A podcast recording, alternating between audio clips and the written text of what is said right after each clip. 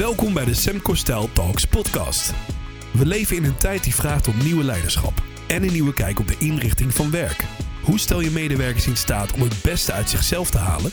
Wat staat organisaties te doen om een aantrekkelijke werkgever te zijn voor huidige en toekomstige generaties? In deze podcast ontleden we deze vraagstukken laag voor laag. Welkom bij Sam Costal Talks, de podcast waarin we op zoek gaan naar de organisatie van de toekomst. Ik ben Luc Willems, naast mij zit Axel met Paddy. Hoi, hoi. En terras zijn Richard Bergmans Goeiedag. en Joris Jansen. Hoi. We gaan in gesprek over Greenon, een radicaal andere manier van werken voor organisaties, gebaseerd op de manier van werken van commando's. Allereerst wil ik onze gasten eh, introduceren. Richard, je bent oud commando-sergeant en nu ondernemer, met als doel de lessen uit je militaire verleden toe te passen op organisaties. Als co-auteur van het boek Greenon maakt hij veel los als het gaat om de parallel tussen twee ogenschijnlijk compleet verschillende werelden. En naast je zit Joris Jansen, ook auteur van het boek Green On. Volgens mij hebben er vijf mensen aan gewerkt. Dus een aardig deel van het team hebben we hier vandaag compleet. Innovator, topondernemer met drie patenten op je naam. Je houdt je veelal bezig met strategische vraagstukken binnen je onderneming Lucie. Een digitaal platform voor de zorg. En mede door je interesse in zelforganisatie ontwikkel je bewondering voor de manier van organiseren van commando's. Het boek Green On is daarvan eh, het uitvloeisel. En voordat we het daarover gaan hebben, beginnen we even bij jullie als persoon. En voor degenen die die podcast al hebben geluisterd, waaronder jullie, weten jullie al wat die vraag gaat worden. Om te beginnen bij uh, jou, Joris. Wie is je vader, wie is je moeder? Ja, ik, uh, ik, ik, ik, zat vanochtend in de, in de auto toen, hierheen. En uh, toen hoorde ik die vraag voor het eerst. En toen uh, was ik al een beetje van, oh jeetje, dan moet ik iets gaan zeggen over mijn ouders. Gelukkig heb je kunnen nadenken. Dus ik heb even kunnen nadenken. uh, nee, mijn vader, nou, ze zijn allebei gepensioneerd ondertussen. Maar mijn vader heeft eigenlijk zijn hele leven als boekhouder gewerkt bij de krant. Mijn moeder als maatschappelijk werkster bij een opvanginstituut voor, voor vrouwen en kinderen. Um, en ehm, ja, ik denk een, een, een, een, ze waren altijd, ik denk, ja hoe, hoe dat nou past hè, bij mij, of hoe, hoe mijn uh, huidige carrière daar, uh, of hoe ze daar invloed op hebben gehad. Um, ik, uh, ik denk, ze waren altijd erg op de, op de achtergrond. Het was, het was, hè, je, je stelde jezelf niet te centraal. Um, ze waren voorzichtig. Ze vonden het ook best wel gek toen ik ging ondernemen. Um, uh, maar de, het morele kompas en de normen en waarden die, die ik daaruit mee heb gekregen, is wel dat, je, dat ik niet iemand ben die heel erg centraal de leiding neemt. Of zo. Ik probeer het altijd vanuit de achtergrond te doen um, en zo richting te geven. Ik voel me ook vaak niet heel comfortabel om heel erg op de voorgrond te treden. Uh, en, en, dat heb ik hen ook namelijk nooit zien doen. Ja, ja ik kan me voorstellen dat het wel een flinke drempel voor je was. Wil je dat dan wel gaan doen in je onderneming? Ja, dat was ook zo. En, ze, ja, en ook wel, ik, ik had wel moeilijk moeite met conflict. Dat hadden zij denk ik ook wel. Uh, dus dat heb ik echt wel moeten leren. Want daar zitten ook wel uh, hele waardevolle kanten in ja, soms. Um, en ook soms moet je wel op de voorgrond staan natuurlijk. Dus dat waren wel, wel di ja, dingen die heel erg uit mijn comfortzone waren. Want hoe is dat dan nu voor je om je, je verhaal samen met Green On of Treefront naar, naar buiten te brengen? Ja, ik ooit op een soort lijstje gehad dat ik nog wel een boek wilde schrijven. Maar dat ik wel anoniem wilde blijven.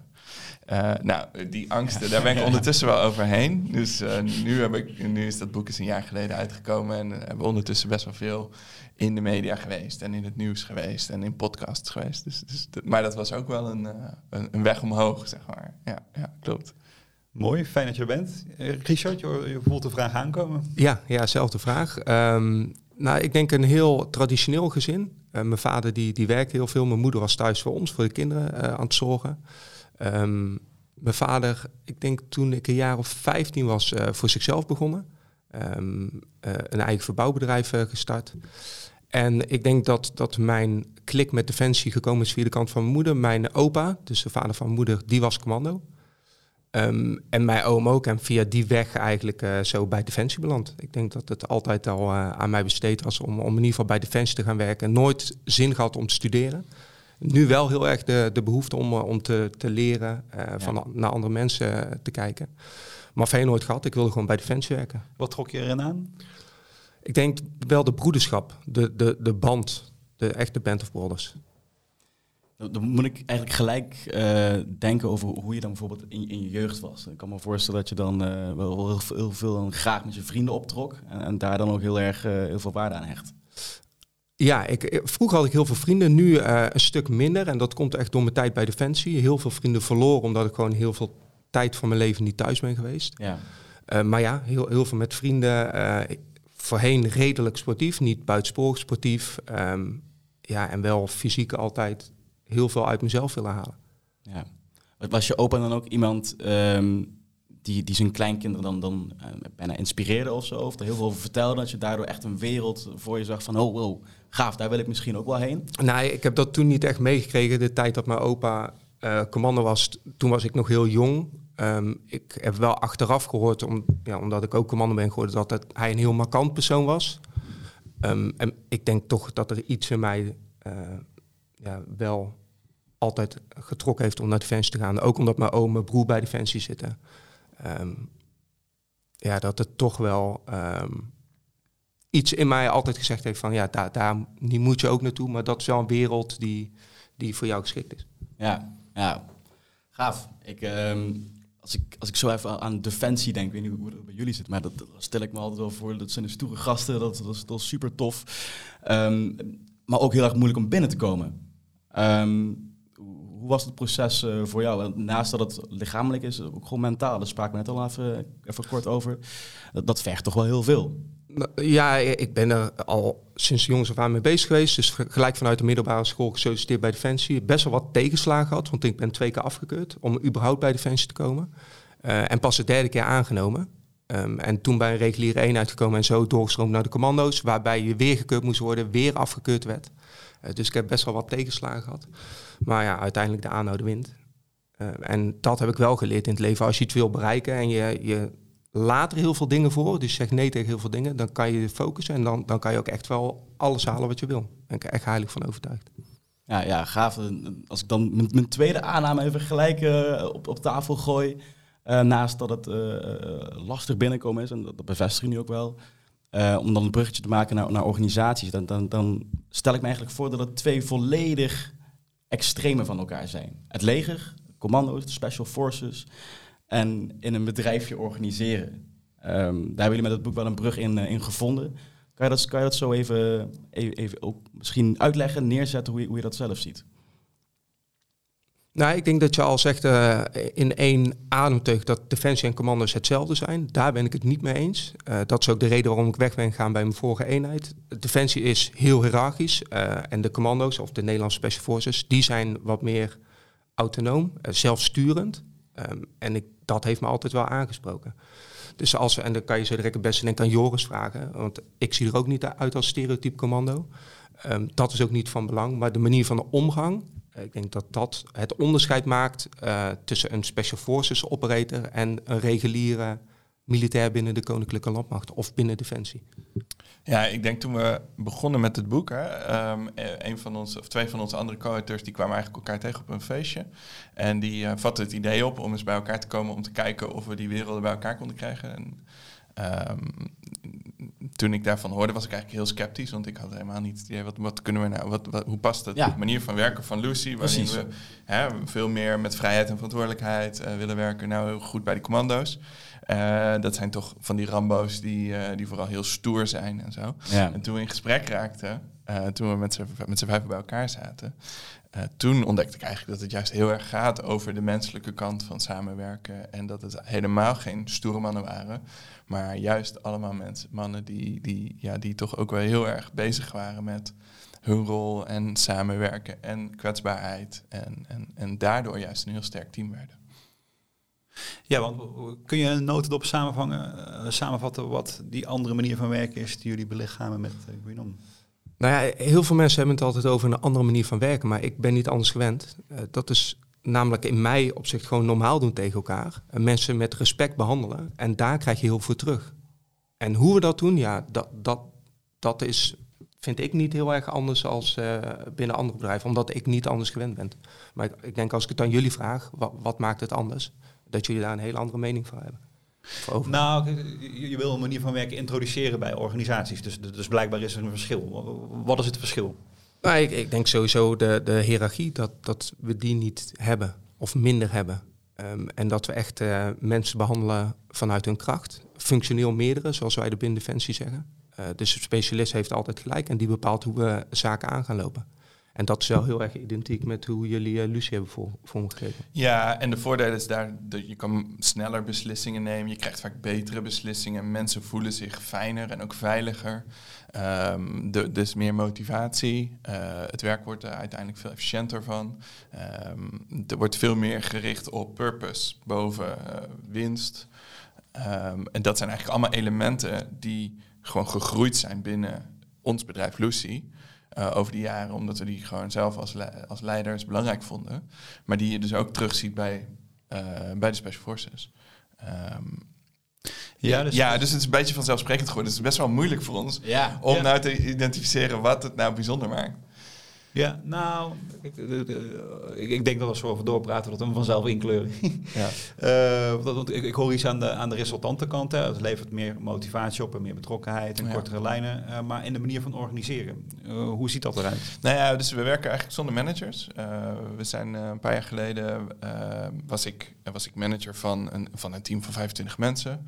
Daar werd ik heel, uh, uiteindelijk heel treurig van. Dat vond ik helemaal niet leuk om die rol te hebben. Dus toen heb ik tegen het team gezegd... hey, we kunnen twee dingen doen. Ik ga dit niet meer doen. We kunnen een andere manager gaan zoeken. Dan ga ik iets anders doen met het bedrijf. Um, of we kunnen kijken of we het zonder manager kunnen proberen. Nou, iedereen vond het eigenlijk wel een leuk experiment om dat te proberen. Toen hebben we eigenlijk alle werkzaamheden die ik deed, hebben we opgeschreven, een lijst, een grote lijst van gemaakt. En die hebben we verdeeld over, over de teamleden. En waarvan we dachten, die, die kan dat er wel bij doen en die kan dat er wel bij doen. En toen was mijn baan ineens weg. Ja. En, uh, en het werkte ook nog. Uh, dat, was, dat was een beetje echt wel een, een, een, een kantelpunt. Waarin ik me realiseerde van, hé, hey, het kan ook echt wel heel anders. En ik had ineens superveel tijd over om me weer met de inhoud bezig te houden. En daar kreeg ik heel veel energie van. Um, uiteindelijk zijn we in aanraking gekomen met een methode die heet Holacracy. Um, zijn we dat gaan toepassen, want het leek eigenlijk best wel op wat we, waar we mee begonnen waren al. En hebben we dat in het hele bedrijf uh, geïntroduceerd. Ja, nu werken we dus zonder managers. Uh, heeft iedereen hele duidelijke afgebakende rollen, waarbinnen zij de baas zijn, de CEO zijn en alle beslissingen nemen. Um, hebben we daardoor veel minder overleg nodig. Um, kunnen we veel sneller schakelen, et cetera, et cetera. Ja, en hebben we heel veel aandacht voor cultuur in het bedrijf. Omdat je wel mensen mee moet nemen in deze manier van werken. Want we zijn dat gewoon verleerd. We kunnen dat niet meer. Hè, dus als mensen bij ons binnenkomen... en die komen bijvoorbeeld van een, van een corporate af of zo... dan zijn ze echt wel een half jaar bezig, soms wel langer... voordat ze dit een beetje in de vingers hebben, hoe wij werken. Hoe ziet dat er ongeveer uit? Zo'n, uh, als ik even een cultuurtraining bij Lucy uh, zeg maar, uh, zou ondergaan. Ja, ja, dat is een jaar. Dat is een proces van een jaar. En dat begint eigenlijk al voordat je bij ons begint. Dus um, net als eigenlijk bij de Special Forces is de selectie is best wel zwaar. En niet eens zozeer op jouw kennis en kunde, maar vooral op wie je bent als Wie persoon, bent, wat ja. je persoonlijke waarden zijn, of dat aansluit bij ons of niet. Dus uh, een van de dingen die we hebben overgenomen van de Special Forces is de introductiedag. Dag waarin we, als we een vacature hebben en we hebben genoeg sollicitanten, dan organiseren we een dag waarin we 30, 40 mensen uitnodigen om die dag met ons door te brengen. Waarbij wij heel veel vertellen over Lucy en hoe we werken.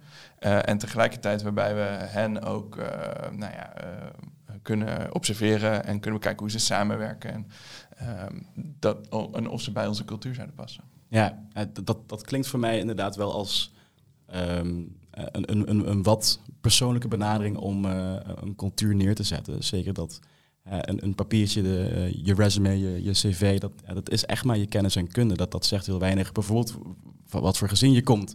En dat maakt je toch wel vaak echt wie tot, tot wie je bent. Uh, en, dat, um, en dat is moeilijk uit je lichaam te krijgen, waar je wel bijvoorbeeld een andere studie kan doen en dan volledig een andere richting op kan gaan. Um, hoe, omarm, jij dat? Zo'n zo, zo cultuur um, samensmelting? Ah, ik denk dat het van essentieel belang is. Uh, en ik ben heel blij dat commando's niet selecteren op, op een cv. Want anders, ja. en, en zeker niet op opleiding. Want dan als 16-jarige jongen was ik nooit bij Defensie gekomen. Hadden ze mij niet aangenomen.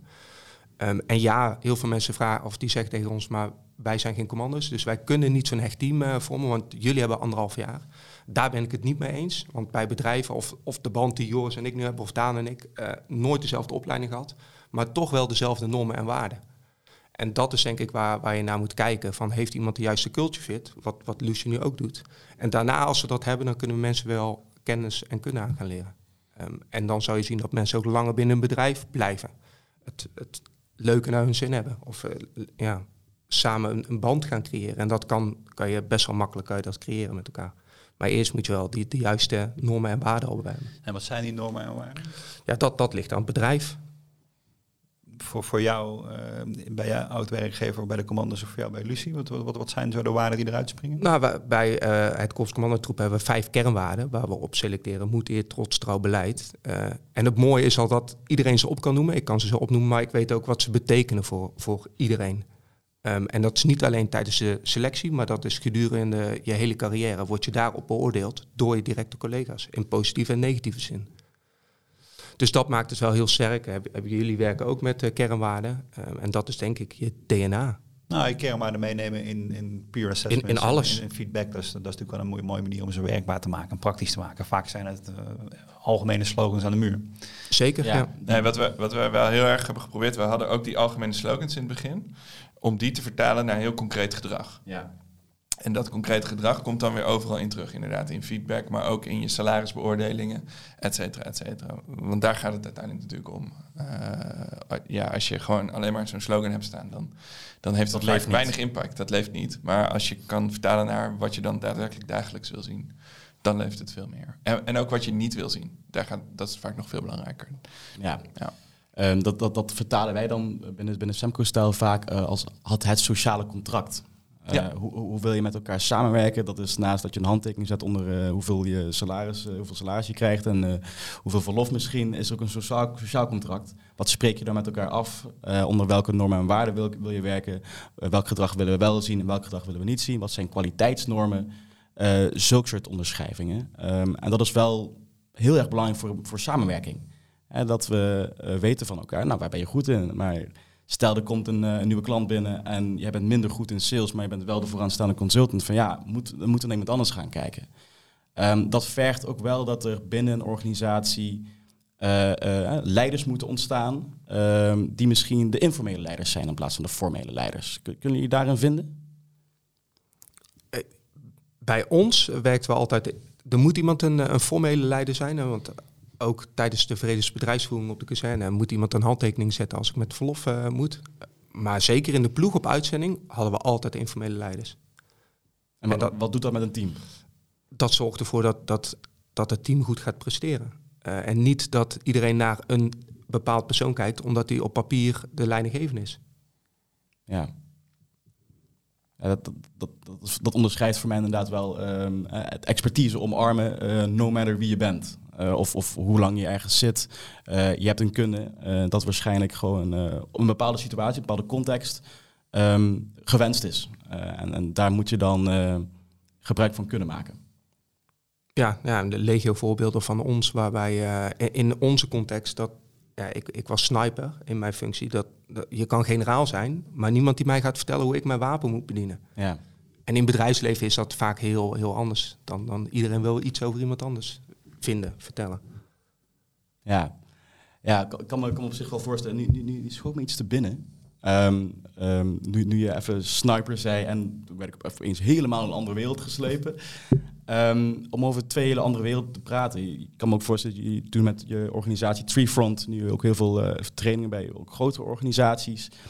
Nou, als we dat gewoon heel even nou, zwart-wit schetsen, dan wordt een, misschien in een corporate, eh, het leger of de commando's, hoe wil je het gewoon dat, dat ik het noem? Dat is misschien een Dat is voor mij echt Oké, het leger of de commando's eh, als de rode organisatie neergezet, eh, waar het hiërarchisch is, et cetera, waar zij misschien nou, heel progressiviteit willen omarmen en dat misschien anders zien. Wat is dan daarin de grootste drempel die je, die je wel eens hebt moeten overkomen? Wil je in gesprek gaan met zulke mensen? Dat kan me ook voorstellen als er dan eh, de, de- het bestuur bij, bij een grote corpus zegt van nou oké, we gaan even ehm, meer over vertrouwen praten. Nou, laten we dan eh, naar, eh, naar het leger gaan.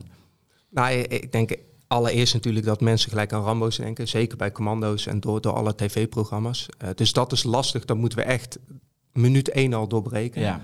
Eh, en dan zeker voor mannen. Voor, zeker voor mannelijke bestuurders is het heel lastig om commando's aan binnen te halen. Want je schaadt gewoon hun trots een beetje. Eh, en die zijn heel bang, terwijl vrouwen dat helemaal niet hebben. Eh, en, da- en dat is zonde. Want ik denk, ja, dat kan je beter aan, aan Joris vragen. Wij zijn helemaal geen Rambo's.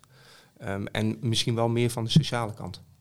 Dus dat, dat ja, stereotyp beeld moeten we altijd wel gelijk doorbreken. Het Ja. bedreigt de man op de apenrots. Ja, terwijl dat helemaal niet nodig is. Want iedereen heeft eh, zijn eigen kwaliteit. Hè? Ehm, ja, de ene is nou eenmaal goed in het een en de andere in het ander. Ja, dus dat kan een, een stereotype beeld zijn wat je moet overwinnen. Eh langzamerhand in het gesprek hebben we de manier van werken al een beetje ingekleurd. Hè, met eh, informeel leiderschap, eh, mensen zoveel mogelijk op eigen expertise beslissingen laten nemen enzovoort. Dus die manier van werken die, die beschouwen we op dit moment even als gegeven. Even door op, op dat punt waar we nu zitten. Hoe gaat het eh, met het verspreiden van de manier van werken? Het, Ja. het omgaan met stereotype Rambo's, nou, dat, dat is er vast één. Weet je, maar hoe, hoe gaat het? Het boek is nou een jaar uit, zo'n beetje. Wat, wat, wat zijn Wat, jullie wat zie je zoal? Ja. Ja, als wij. Als ik lezingen geef, eigenlijk twee dingen. Eén, eh, dat mensen het heel interessant vinden dat commando's eigenlijk heel sociaal zijn. Bijzondere resultaten behalen door op een andere manier met elkaar om, om te gaan. Ehm, en anderzijds ook wel dat mensen gewoon moe zijn van het altijd maar moeten presteren. En dat eh, Lucie ook een mooi voorbeeld daarvan, die ja, nu een vierdaagse werkweek voor vijfdaagse salaris, omdat ze gewoon tijd teruggeven aan de werknemers. Wat dus belangrijker is dan meer geld verdienen. Dus dat zijn wel twee dingen die, die ik zie. Ik weet niet of jij andere dingen ziet. Nee, nou, ik denk dat het boek is heel goed ontvangen. Ehm, en ik hoor heel veel mensen om me heen die, die het heel inspirerend vinden. Maar dat ze het nog wel heel moeilijk vinden om nou te zeggen... "Ah, nu wil ik dit ook gaan doen, maar waar, waar begin ik nou? Want Ja. het is wel, wel groot, die verandering. En ik ben maar in mijn eentje en ehm, ik wil hier wel iets mee... maar ja, ik weet niet wat ik nu moet doen. En daar wordt, daar, dat is eigenlijk dus, dus wel heel leuk om te zien dat we hebben kunnen inspireren. Maar wa- waar de bedoeling was om het ook echt heel praktisch te maken, is dat nog niet goed gelukt, denk ik. Nou, maar dat zien wij ook heel vaak. Ja, de, de, ja. de manier van werken. Oh, inspirerend. Ricardo Semler heeft er zelf altijd een mooie anekdote. Hij ik mocht op een gegeven moment een lezing geven bij een, eh, bij een, be- een beroemde sheik uit eh, Saudi-Arabië. En eerst, de man kwam al anderhalf uur laat binnen. Maar iedereen bleef gewoon zitten wachten. hè. Iedereen zit te wachten. Op een gegeven moment, de sheik komt binnen. Nou, iedereen staan. En Ricardo geeft zijn praatje. En af zegt, very inspiring, very inspiring. En Ricardo, so, um, what you're going to do with it? Oh, absolutely nothing. En daar, daar vatten die in de kern wel wat vaak gebeurt. En wat jullie misschien ook vaak gebeurt. Oh, inspirerend, leuk. Ah, misschien eh, morgen. eh, of, eh, Ja, je moet ruimte maken voor verandering. Ja. En het kost tijd en aandacht en energie. ja. En als je die ruimte niet maakt, dan gaat er natuurlijk niks, niks veranderen. Dus dan kan je het wel het boek lezen, maar ja, dan, dan, dan, dan verdwijnt het daarna weer natuurlijk. Dus Ja, en heel veel mensen die vragen ook van, ja, maar hoe moet je dan beginnen? Eh, Ja. Want wij kunnen niet alles doen. Ja, een steenvast antwoord is, ja, maar het zijn 16, 16 praktische tips. Je kan er ook één doen of twee. En dan begin je rustig. Zet, in- zet je in ieder geval een stap, doe je iets en dan komt dat vanzelf wel. Wat, wat hebben jullie al zien veranderen of zien gebeuren? Dus bij, bij- bij, bij die mensen waar het dan wel eh, op gang komt? Ja, een goede vriend van mij die heeft eh, een start-up ehm, die echt het boek hebben omarmd. Dus die werken nu met rollen. Die zijn helemaal eh, weg van, eh, van managers. Die zijn heel erg bezig met hoe kunnen we processen zelf organiserender maken. Dat vind ik een heel leuk voorbeeld. Die zijn ook meer aan het selecteren op, op kernwaarden en die cultuur. Dus je ziet dat vooral op het gebied van het samenwerken. Ehm, en de, de, de, de green-ons daaromheen. Dus eh asynchroon werken, meer asynchroon werken. Of Ja. met minder mensen vergaderen. Of, of inderdaad met du- duidelijkere rollen, zodat, zodat het heel duidelijk is wie welke verantwoordelijkheden heeft. Daar zit, d- die zie ik vaak als eerste opgepakt worden. Hoe zie jij dat? Nou, ook wel. Zeker het, het onnodig vergaderen stoppen of minimaliseren. Dat is wel iets wat altijd heel erg aanslaat en heel herkenbaar is. Wij gebruiken altijd het voorbeeld van de CIA. En dan standaard gaat de hele de zaal lachen, omdat ze het allemaal herkennen. Dat is het voorbeeld? Ja. Nou ja, de, de, de, de CIA heeft een field manual geschreven over hoe je organisaties heel traag kunt maken. Eh, en die hebben een aantal principes. En, en een, twee daarvan zijn, ga met zoveel mogelijk mensen vergaderen. En, en als er dan een besluit genomen is, trek dat altijd in twijfel. En het grappige is, wij doen dat ook eh, met missies om, om organisaties doen ze traag te dan om, maken. om een organisatie te mollen? Om te saboteren. Ja, Ja, ja, ja, ja, dat is een sabotagehandleiding voor agenten van de CIA. Serieus? Ja. Ja, maar ja, we kennen het wel allemaal of herkennen het allemaal. Dat iemand, iedereen ja zegt en dan zo'n laatste van ja... Zijn wij wel de juiste groep om deze beslissing te nemen? Dat is dat wat er in die, in die handleiding moet, staat. moet iemand anders hier nog wat van ja, precies. Ja, Ja. ja, ja, En dan is niemand eh, die, die, die, die staat recht achter of, of, of gaat daadwerkelijk aan de slag. Ja, maar Precies. ook het aantal mensen vergaderen. We stelen gewoon elkaars tijd. Ook Ja. zeker. Oh ja, zeker wel, ja. Nee, vergaderen is een, een kernding. eh, ik Ja, ook nee, nee. O- o- o- ook wij zelf, die, die, die, die, die, die die verliezen daar ons wel eens in. Maar het belang is van, oké jongens, waar zijn we nu mee bezig? Dus gaan we nou twee verschalingen in een week van twee uurtjes doen? Na een tijdje zijn we gaan naar gewoon één keer in de week of één keer in de twee weken, drie kwartier. Ja, Alles is gezegd. Als je voor de rest van de week nog, nog iets nodig of, of iemand nodig hebt, ben, ben, ben een belletje verderop. Eh, en dat scheelt enorm in de tijd. Dus ik wilde net nog vragen van ja, zo'n vierdaagse werkweek, hè, waar moet je dan in snijden? Ja, daar heb je het antwoord al. ja dus ik heb bijvoorbeeld ehm, al anderhalf jaar geen vergadering gehad met het managementteam Oh, ja. of zo. Dat, dat is er gewoon niet. Dat hoeft ook niet. We bellen elkaar als we iets moeten hebben van elkaar. Eh, we zitten allemaal eh, remote, hè, dus we hebben geen kantoor meer. Nou, dat Ja. scheelt ook heel veel in de vergadertijd, eigenlijk vanzelf al bijna. Komen één keer per maand met z'n allen bij elkaar. Eh, elke keer op een andere plek. En hebben we een, een leuke dag, een leuk programma. Eh doen we heel veel juist aan die, aan die cultuur weer. En, ehm, eh, en is er tijd voor overleg, face-to-face. En dat is het. ja. Ja. En dat scheelt heel veel tijd. Hoe hou je dan als, als, alsnog mensen bij elkaar? Want ik kan me ook voorstellen, want als je elke dag iets een kwartiertje doet, dan, dan zal je verder komen dan eens in de maand een uurtje. Eh, of, of eens in de maand een hele dag, eh, misschien in dat geval. En mensen, als ze naar psychologische basisbehoeftes gaan kijken, dan is belongingness toch wel een hele, hele belangrijke factor. En Ja. ik kan me voorstellen, als je een, heel betrokken wilt zijn, dan is misschien eens in de maand iets doen misschien wel weinig. Hoe, hoe hou je dan toch de... Ja, ik denk dat. Ik vind het altijd wel een interessante vraag, want die komt altijd. Van hoe kan je nou die belongingness creëren terwijl je elkaar niet ziet? Ja, Ehm, maar ik, ik geloof niet dat je die niet ook remote gewoon prima kan, kan creëren. Dus het is niet zo dat mensen niet met elkaar interacteren of communiceren. Hè? Dus mensen connecten met elkaar zodra ze elkaar nodig hebben. Ehm, sterker nog, eigenlijk zit iedereen op dezelfde afstand van elkaar dan wanneer je in een kantoor zou zitten. Want dan Ja, mooi. zitten er altijd mensen dichterbij en verder weg. Nu is iedereen is even ver weg voor elkaar. Iedereen kan mij bellen. Ik zit niet ergens in een hoekje eh, waar de drie mensen toevallig dichtbij zitten en veel van mij horen. Ehm, ik, heb, ik heb ook het gevoel dat het soms, als er eh, minder rijke communicatiekanalen zijn, dat het makkelijker is om kwetsbaar te zijn. En die kwetsbaarheid, die maakt die belongingness juist veel sterker. Ehm, dus er zitten ook wel echt heel grote voordelen aan juist remote werken en eh, die, die, eh, die belongingness daar is. Nou, zeker. Het, vermindert ook machtsafstand, wat voor ons een belangrijk uitgangspunt is. Hè. Dat- De baas wordt heel snel de baas en eh, de mede- medewerker gaat vanzelf kruipen. En, eh, ook al wil niemand dat. Hè. De ma- Ja. machtsafstand ontstaat Ja. onbewust of bewust. Ehm, en fysiek is die veel zichtbaarder dan eh, online. Eh, als je allemaal Ja. één tegeltje bent van 10 bij 10 pixels, ben je al per definitie al gelijkwaardiger dan wanneer je eh, op een mooi kantoor binnenkomt. En wordt, al- ik kwam ooit een keer bij, eh, bij de bank nog bij, een, eh, bij de raad van bestuur. Nou, dat, dat, was een circus überhaupt om na te arriveren. Weet je. Oh, u heeft een afspraak met de raad van bestuur. Dan ontvangen wij u in een aparte ruimte. Weet je. Ik, oh, ik heb nog een foto van eh, een aparte ruimte. Die bestaat dus gewoon, weet je wel, met, met extra lekkere stoelen en eh, een glaasje water stond voor me klaar. Nou, dan ga je met een speciale lift, dat met een sleuteltje met, helemaal naar boven, dat, er geen gepeupel onderweg instapt. Boven kom je eerst in een kamer met drie secretaresses, drie dus. En, en, en daarna loop je door naar, naar, naar, eh, de grote man, dan wel vrouw eh, hemzelf. Ja, als je je dan al niet een beetje eh, nederig voelt. eh, maar dat zit dus heel erg in de, in de fysieke uitdrukking ervan. Online Ja. heb je dat inderdaad minder. Ja, Ja. ja klopt. Grappig. Wat doe je op zo'n cultuurdag? Mm, we pakken altijd één onderwerp waar we aan willen werken. En ehm, we meten gedurende het jaar op allerlei manieren een beetje hoe het gaat met de cultuur. En ehm, we pakken dan één onderwerp en daar gaan we, daar gaan we aan werken. En dat is, eh, soms gaat het over feedback geven, soms gaat het over eh, persoonlijke ontwikkeling. eh, het kan eigenlijk van alles zijn. En de rollen binnen de organisatie die, die daar, daar verantwoordelijk voor zijn, die, die organiseren daar dan een programma omheen. En daarnaast gaan we gewoon ook gewoon gezellig met elkaar drinken en eten en het leuk hebben en lachen en dat soort dingen. Maar we doen bijvoorbeeld ook de fuck up of the month. Eh, Ja. We geven badges voor mensen die iets bijzonders hebben gedaan. Ehm, we geven badges voor loyalty, voor mensen die eh, we vieren dat mensen er een bepaalde periode zijn. Allemaal dat soort dingen eigenlijk, om die connectie ook te, te versterken. Ja, dat, zeg je een paar, paar mooie dingen. Er, er, er is een reflectiemoment. Eh, Ja. Dat is belangrijk. Successen vieren. erkenning, waardering in bepaalde prestaties. Maar ook, je mag fouten maken. Ja.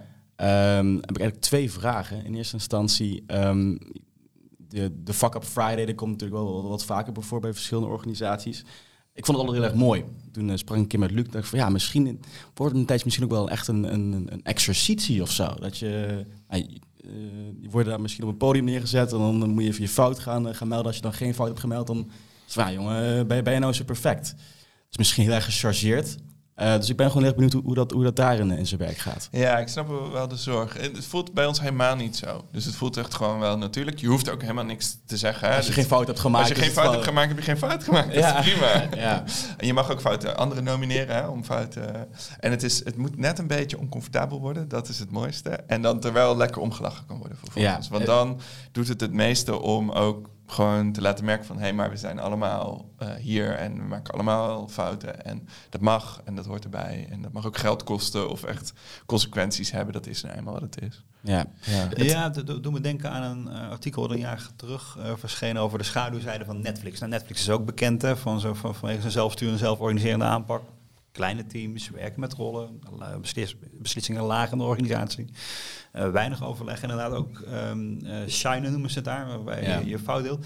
Alleen daar wordt het op een gegeven moment um, in de hiërarchie ook als machtsmiddel gebruikt. Dus van, ga jij maar eens even uh, shinen, weet je, en dan kan het dus ook super onveilig mee worden. Dus het, ja. er is wel een, um, een keerzijde die mensen kunnen ervaren wanneer je alles op tafel gooit. Wanneer je dingen transparant maakt. waar, waar wordt die spannend bij jullie? Nou, ik denk niet dat we daar. Ik denk niet dat we daar zijn. Of dat, dat dit bij ons zo speelt. Het wordt helemaal niet als, als machtsmiddel of zo ingezet. Het is ook nooit een opdracht die je krijgt. Nee. Je hoeft ook niet mee te doen. Je zit wel in de zaal. Maar je hoeft, je hoeft het niet per se te doen. Er zijn er altijd wel tien of twaalf of zo elke maand. Ja. Weet je wel, die dan benoemd worden. En dan wordt er gestemd over degene die het leukste was. En die, Ja. die persoon die, eh, die krijgt een badge. En die, eh, Maar ik, ik denk inderdaad wat je zegt. Daar dat maak je me wel luchtig mee. Ja, maar, eh, maar ook, ja. gewoon wat je net zei, Joris. Het goed afsluiten. Hè, erom kunnen lachen. Ja. eh, zelf ook misschien wat, wat meer delen. ehm, als jij dat ook hebt ervaren. ja. Eh, en er niet van, oké, jij was fout, volgende. Wie is, wie is nu aan de beurt? Dan, dan maak je het heel onveilig. Ehm, als we het over, over fouten maken hebben, Richard. En eh, we, we- we- we zien dat tegenwoordig wel als een belangrijk element om, om, om te ontwikkelen, om vooruit te gaan. Ehm, als ik het heel even zwart-wit neerzet. Als sniper mag je niet missen. Ja, nee, Fouten- liever niet. Fouten als het gaat om, Maar om, om leven vaker- en dood, weet je. Dat, dat, dat ja, is nou misschien ja, ik heb een- vaker misgeschoten dan raakgeschoten. Ja. Ja, iedereen doet dat. Maar als je het niet kan bespreken, word je ook nooit beter. ja. En hoe, hoe bespreekbaar is het? Heel bespreekbaar. Eh fuck up of the man, dat, dat, ik denk dat dat echt wel eh, bij, bij de commando's heel sterk in zit. Na elke oefensituatie, echte situatie, wordt er gelijk geëvalueerd. Nou, verschillende vormen van, van debrief. Maar ik denk dat de psychologische veiligheid bij ons zo hoog is, dat, dat we alles kunnen evalueren. En dat, is, dat lijkt aan de buitenkant heel hard, maar dat is heel zacht op, eh, op de persoon. Ook omdat, dat op, omdat we op rollen aanspreken en niet op de persoon zelf. Ja. Maar het moet ook wel, omdat het bij ons om leven en dood gaat, moeten we dat bespreekbaar kunnen maken. Want als iemand een fout maakt, dan kan mijn leven in gevaar gebracht worden. En de volgende keer moeten we die fout namelijk niet meer maken. Dus vandaar dat we het bespreekbaar moeten maken. Ehm, en iedereen maakt fouten. Ja, dan kunnen we beter maar eerlijk en transparant over zijn. Dan dat we. Het wordt toch wel gezien bij ons, want alles wordt namelijk gefilmd met helmcams en cams op, op wapens. ja, kan je maar beter eerlijk zijn dan dat het eh, via de camera... ja, eh, daarom. Ja, ik, ik vond het altijd een heel erg mooi onderzoek van, eh, van, van, Amy Edmondson, hè, van eh, de psychologische veiligheidsguru. waarin ze ehm, eh, twee teams naast elkaar gingen zetten. Eén psychologisch heel veilig, andere misschien, misschien wat giftiger. Ehm, en gingen kijken wie maakte nou meer fouten. Nou, iedereen had verwacht natuurlijk dat de giftige situatie heel veel meer fouten maakte. Maar, en die werden gemeld. Het was natuurlijk andersom. Waar het psychologisch veilig was, daar waren er meer fouten gemeld. Daar, mensen, daar voel- voelden mensen zich gewoon veel Ehm, veel comfortabeler om die ook te melden. Eh, en daar ging het vooral om, om eerlijke gesprekken te kunnen voeren.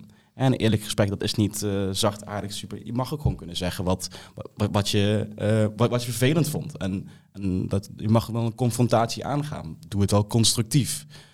Zorg dat het eindigt op een positieve noot. Zoals bij de Fuck Up Friday bijvoorbeeld.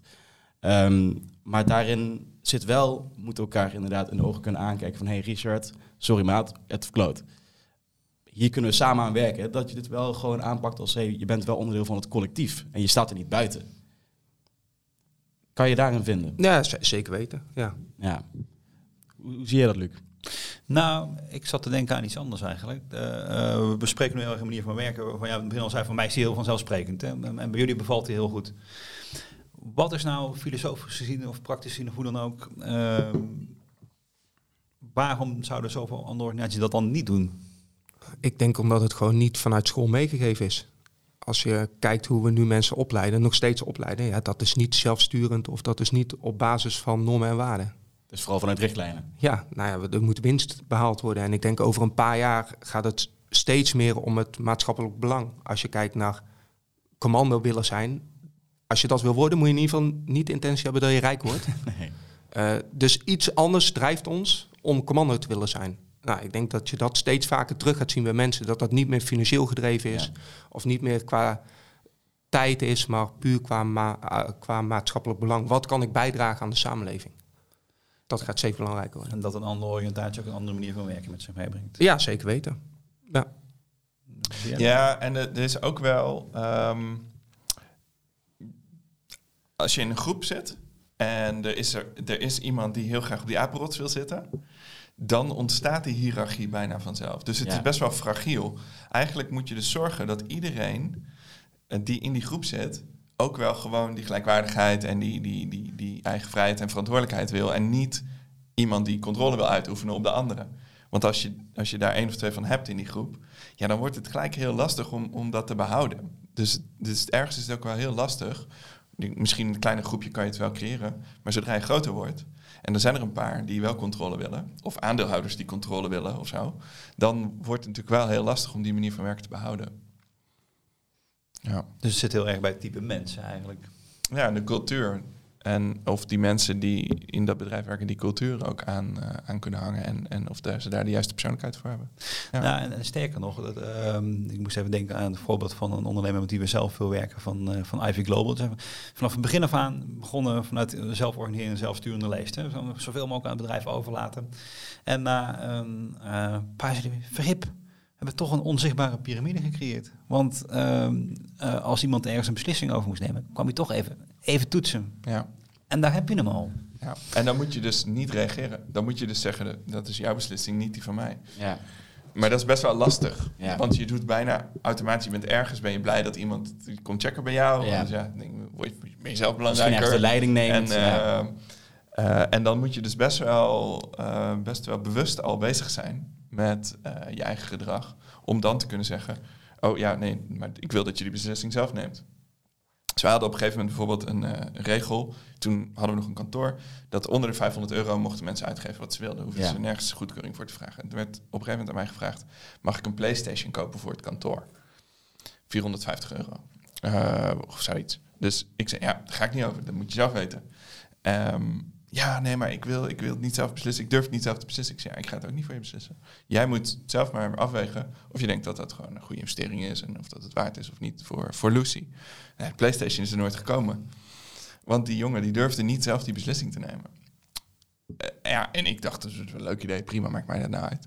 Die, die, die 500 euro is dat denk ik wel waard voor de cultuur, maar eh, ja, Nou ja, beslissingen, niet gekomen. beslissingen durven nemen sowieso. Is het best wel lastig, ja. Ook- Het komt ook in het boek terug natuurlijk. Hè. Ja. Wie, wie neemt nou waar beslissingen over? Ja. Ook als ik kijk naar onze manier van werken die we belichamen en die we introduceren bij bedrijven, is dat eigenlijk mensen in staat stellen zoveel mogelijk beslissingen zelf te nemen en niet eh, naar de baas te kijken, naar de procedure te kijken. Maar het was natuurlijk heel makkelijk voor mij geweest in deze situatie om soort van met een knikje of met een heel klein non-verbaal Ja. signaal Ja. eh, eigenlijk al mijn voorkeur aan te geven. En dat was waarschijnlijk genoeg geweest voor hem om het toch te doen. ja. En ik heb juist dus zo neutraal mogelijk geprobeerd te reageren. Maar dat, dat, dat, daar moet ik dan echt heel bewust mee bezig zijn. Want ik heb natuurlijk al neiging om gewoon te zeggen ja, is goed of nee. Of weet ik. Ja, eh, vaak is het advies of eh, de mening van eh, een, een leidinggevende Ja, is al een besluit. Precies, En, inderdaad. Ja, Ja. daar moet je wel je voor behoeden. Waar, waar, waar we het net over, over hadden, over controleren. ehm, ik, ik lag laatst wat leuks. Nu ga ik even jouw laptop gebruiken. Ik weet niet of Apple het zo precies heeft, heeft, heeft bedoeld. Eh, maar je hebt op een, eh, op een MacBook heb je een control en een command knop. Control en command. Heerlijk trouwens. Ik, Ja? voel, ik voel me al een stuk capabeler. Een Maar- Apple-fan hier, hè? Ja, maar ertussen zit de option.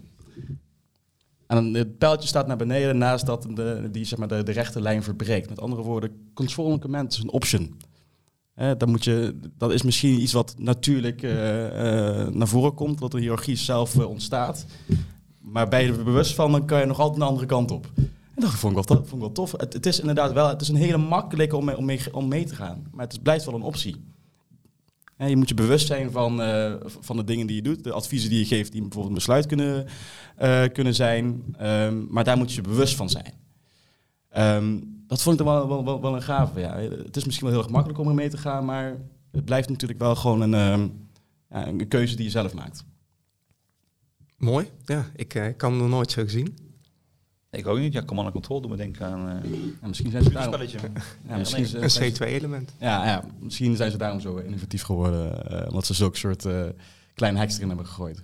Ehm, nu, nu het over, over bewustzijn van, van je handelen gaat. ehm, ehm, het, het gaat in jullie boek ook over, over vertrouwen. Je moet elkaar bijna blind kunnen vertrouwen. Ehm, dan, dan zie ik voor me een, een, een, een, rij eh, special forces, eh, hand op de rug. Ehm, we vertrouwen je waar je ook heen gaat. Ehm, nu heeft een antropologe, Jitske, Jitske Kramer, die heeft een, heeft iets, heeft een uit- uiteenzetting gedaan over naast blind vertrouwen zit ook bewust vertrouwen. Eh, je moet ook juist wel bewust weten met wie je in een team zit. Ehm, en daar niet zomaar blind van uitgaan. Met andere woorden, je moet een expertise moet je eerst kennen, omarmen, wil je men vertrouwen. En dat komt wel heel erg terug in ons, in ons, ehm, in ons gesprek hier. Ehm, dat is, kan me voorstellen, ook de essentie van, van blind vertrouwen. Horen jullie daar vaak nog tegenspraak over dat blind vertrouwen misschien wel een beetje, dus oogklappen op en, en, en ik vertrouw je maar. Nou, kijk, door de strenge selectie bijvoorbeeld, die, die de Special Forces hebben, die wij ook eh, proberen te hebben, weet je ook wel dat iemand niet zomaar je teamgenoot wordt. Ja, En ehm, je weet dus ook wel dat, dat die bepaalde skills en kunde en bepaalde normen en waarden heeft, waar je ook wel op kan vertrouwen. En zeker bij de Special Forces is dat natuurlijk super belangrijk. Die selectiedagen die zijn super zwaar. Maar als je er dan doorheen bent, dan kan je er wel van op aan dat iemand eh, capabel is. Ja. Zie, zie je dat zo of niet? Ja, zeker wel. En, en ik vind een mooi voorbeeld dat er één keer in de vijf jaar hebben we een reunie. En dan mogen alle mensen die ooit de groene beret hebben gehaald, mogen daarbij zijn. Ehm, en toch komen er elk jaar duizenden mensen. Eh, weet Ja. je wel, die dan een band gecreëerd hebben, elkaar vertrouwen, omdat ze gezamenlijk iets mee hebben gemaakt. Ehm, en dat, ik, dat vind ik wel heel mooi persoonlijk, dat, dat die band daar dan is, dat vertrouwen er is. Ehm, en ja, heel veel dingen kan je ook aanleren. En ik denk het, het grote verschil tussen de Special Forces en, en een reguliere eenheid is dat toen ik bij een reguliere eenheid kwam, eh, ook een opleiding van eh, drie kwart jaar gehad. En dan word je daarna gewoon letterlijk ontgroend, zoals eh, als je op school zit. Bij de commandos heb je dat niet. De senior mensen kijken dan echt naar de junior mensen. Ja, vertel het mij maar eens. Jullie hebben de meest recente kennis. Deel hem maar met mij. Ik vertrouw je erop dat jij de meest actuele kennis hebt. En de seniors die hebben dan de uitzendervaring natuurlijk. Maar dat is ook een vorm van vertrouwen hebben in elkaar, vind ik. Is die manier van werken nou ook iets voor de rest van Defensie? Is de be- beginnen bij Nou, het begint steeds meer wel door te druppelen. hoor. Eh, ook op de eh, Koninklijke Militaire Academie, op de militaire school, zie je dat oog hebben voor elkaar, dat dat ook heel belangrijk is. En ehm, die, die, de oude leider, dat, dat die meer op de achtergrond verdwijnt en dat het meer een, een facilitator is. Ehm, hoe kan ik jou helpen om, eh, om als groep het optimale resultaat te behalen? Mooi. Eh, we gaan langzaam richting de afronding. En ehm, we hadden het al een beetje over ehm, wat je denkt dat er verandert in de maatschappijen. Dat we meer vanuit purpose en hogere doelen, eh, dat mensen vanuit daar naar jouw verwachting hun werk zullen willen vormgeven. Wat hoort er nog meer bij? Hoe verwacht of hoe hoop je dat de wereld van werk zich gaat ontwikkelen? Oeh, lastige vraag. Hoe hoop je? Ja, dat, dat wel meer mensen ehm, meer plezier halen uit hun werk. En dat, dat is heel makkelijk gezegd. Maar ik vind het zo mooi om te zien bij Lucie dat... eh, dat we hebben laatst nog met Lucie een training gedaan... Dat, dat mensen echt oprecht zeggen, ook al als ze niet... Ze hebben geen MT meer, maar het oude MT erbij is van... Ja, maar het is hier echt ook leuk om te werken. Omdat we aandacht hebben voor elkaar. En als we aandacht hebben voor elkaar... dan zien we ook dat we iets heel leuks kunnen maken met elkaar. Ehm, en ik hoop dat we dat in de toekomst gewoon veel meer kunnen zien bij bedrijven. Want er zijn echt veel ongelukkige werknemers. Meer werkgeluk. Mooi, ja, eh, daar hoop ik echt. mooi antwoord. Jij? Eh, ja, hoe ga ik daar nou weer overheen? Hè? Eh, nee, nee, voor mij... Overkloppen, Gewoon klop, klop. Voor mij, ja, precies. nou, voor mij zit het ook heel erg op eerlijker en gelijkwaardiger. En ehm, het hoeft niet per se altijd leuk te zijn werk. Dat zal ook wel niet altijd. Ehm, maar ik kan er slecht tegen als mensen oneerlijk zijn of als ze vals spelen of zo. Dus als, als we daar een stap in kunnen zetten, als dat minder wordt, en dan eh, word ik daar blij van. Ja. Mooi. Dan eh, dank ik jullie hartelijk voor dit gesprek. Nou, jullie ook. Hartstikke Jullie leuk. ook, dankjewel. Semco Style Talks. Werken in de wereld van morgen.